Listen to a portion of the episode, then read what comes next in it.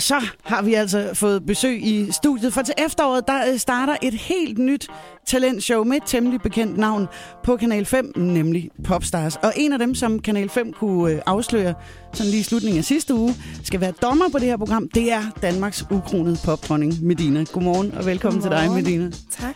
Danmarks ukronede popdronning startede jeg ligesom med at kalde dig, ikke? Jo. Og jeg ved egentlig ikke, øh, hvorfor jeg siger ukronet, fordi det tror jeg er ligesom blevet cementeret hele vejen rundt, at den krone har du, og den sidder rigtig fint deroppe på hovedet af dig, ikke? Og du sidder ligesom allerøverst på den kage, der sådan hedder dansk popmusik. Hvad i alverden har fået dig til at sige ja til at være dommer i Popstars? Jamen, øh, jeg synes, jeg er god til jobbet. Ja. Øh, jeg er en god kandidat i hvert fald. Og så øh, fordi, at vinklen på det her program har en overordnet positiv energi. Vi bakker hinanden op også. Vi er jo ikke dommer, vi er jo coaches. Ja. Nærmest, ikke? Og vi arbejder sammen. Vi arbejder ikke imod hinanden, så det er ikke sådan en intern konkurrence om noget som helst. Det handler simpelthen bare om, at vi giver det bedste fra os til nogen, der vil det samme som mig, mere eller mindre. Ja, fordi jeg tænkte på, hvis der nu havde været sådan et program her, dengang du startede ud, kunne du så, Det finde har der jo været for 10 år siden, kan man sige.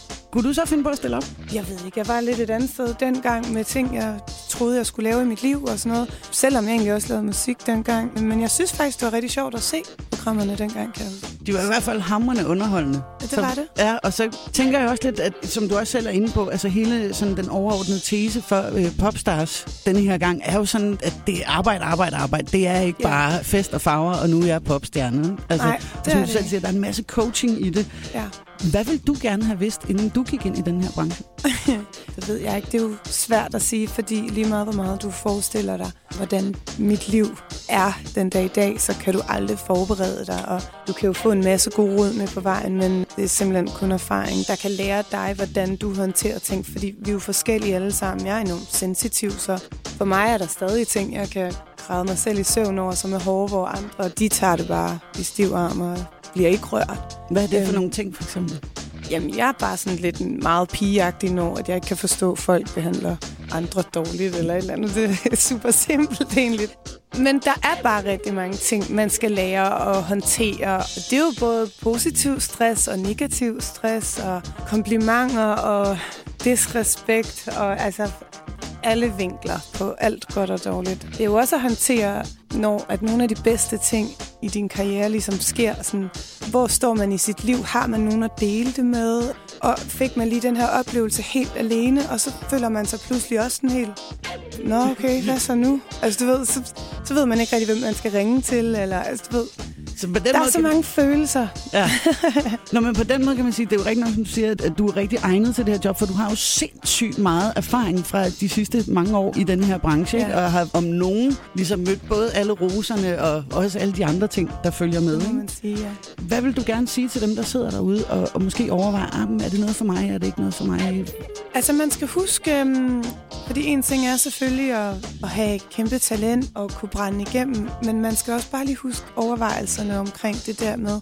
Um, man skal bare lige prøve at forestille sig, hvordan er det, hvis alle i Danmark ved, hvem du er. Mm. Altså de observerer alt, hvad du gør, alt, hvad du siger. De tager billeder af det, når du ikke vil have det. Det Altså, der er pres, forskellige, ikke? forskellige ting, man lige skal huske at tage med. Så hvis man lige sætter sig ned og bruger to minutter på at tænke over, okay, jeg skal arbejde hårdere, end jeg nogensinde troede, man skulle som øh, popstjerne, og øh, man skal være villig til at bare give det en sindssyg psykoskalle. Medina, lige her til allersidst, nu er vi jo en rockkanal, Mm. og ikke nogen hemmelighed, at du er en popdronning. Så jeg tænker lidt, at det man måske ikke ved så meget om, det er øh, dit forhold til rockmusik. Jamen, jeg har hørt meget rock igennem min tid. Altså, faktisk så er der også enormt meget rock, når jeg spiller live. Rent faktisk. Det tenderer faktisk til at blive enormt mere rocket end poppet i mange tilfælde. Men jeg har hørt i min øh, ungdom, har jeg hørt rigtig meget Metallica og Nirvana og Rage Against the Machine og sådan noget. Men Nirvana er noget, som jeg den dag i dag stadigvæk altid kan høre, fordi det er, sådan, det er måske lidt mere soft på en eller anden måde. Øh, noget af det i hvert fald. Noget af det her. og ved du hvad, derfor så har vi lige præcis fundet Nirvana frem til dig. Medina, tusind tak, fordi du kiggede Tusind forbi os tak her til morgen. Tak. Ha' en god dag. I lige måde.